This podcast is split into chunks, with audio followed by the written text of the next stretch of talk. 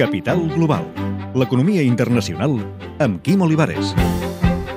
Només una minoria demana que els seus estalvis s'inverteixin en empreses que respectin valors socials i mediambientals. L'IS de Barcelona ha reunit alguns experts de bancs que treballen amb les anomenades inversions responsables.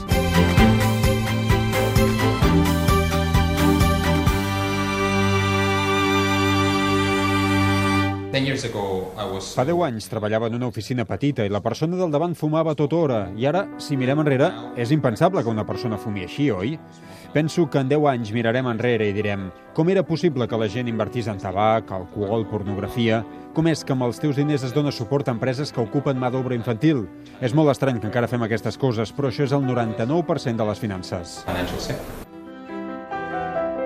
Ara per ara, però, és una minoria la que inverteix en aquesta mena de productes. Jaume Iglesias, cap d'inversions en finances socials del banc suís UBS. La raó no és perquè la gent sigui malvada o estúpida. La resposta és perquè és un gran repte i si intentem invertir-hi no és fàcil i aquesta és la nostra feina. Els assessors mai no perden de vista el client.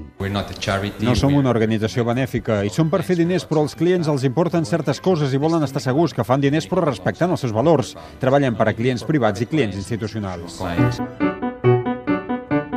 Malgrat tot, els clients interessats en aquestes inversions creixen. Jean-Philippe de Martin, analista, cap del Banc d'Inversions i de Gestió de Capitals d'Odo Securities. La bona notícia és que cada vegada som més clients. Vaig començar l'any 2000 i llavors ens adreçàvem a un 0,1% del mercat.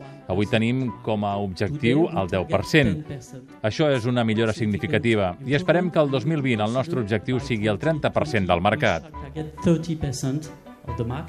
S'ha avançat molt, però encara hi ha desinformació. Fabrizio Ferraro, professor de Direcció d'Empresa Estratègica d'IS. No podem pensar que tota la cartera de valors serà perfecta perquè la gent encara no té tota la informació. S'ha fet més en els últims 10 anys que probablement en els 15 anys anteriors. A Alemanya, els països escandinaus, Suïssa i Holanda encapçalen el rànquing europeu d'inversions responsables. Al sud del continent costa més fer arribar el missatge que invertir en aquests productes serveix d'alguna cosa. Ells em diuen, està molt bé el que diu, però demostri'm com salvarà el món. I és molt, molt difícil demostrar-ho. Com li demostrem que les empreses compleixen els millors estàndards si vostè inverteix en un fons que després inverteix en més de 300 empreses diferents? És un gran repte. Molts crítics consideren que les grans entitats financeres ofereixen ara aquests productes per frenar la mala fama. L'hem espefiat molt en el passat, d'acord? La nostra reputació, especialment en el mercat local, ha quedat molt tocada i hem de fer coses, coses que tinguin un valor, no donar diners als nens, coses que tingui a veure amb el negoci.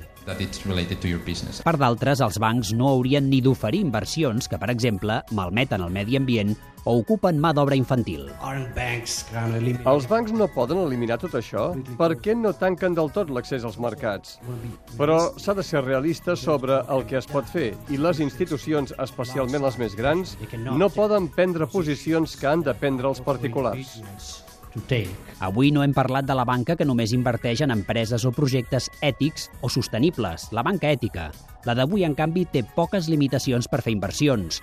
En el cas del banc suís UBS, només no ho fa en empreses que fabriquen armes de destrucció massiva, mines antipersona o bombes de dispersió.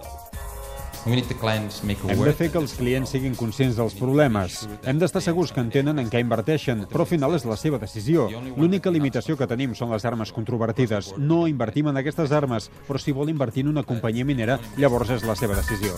Then it's your choice.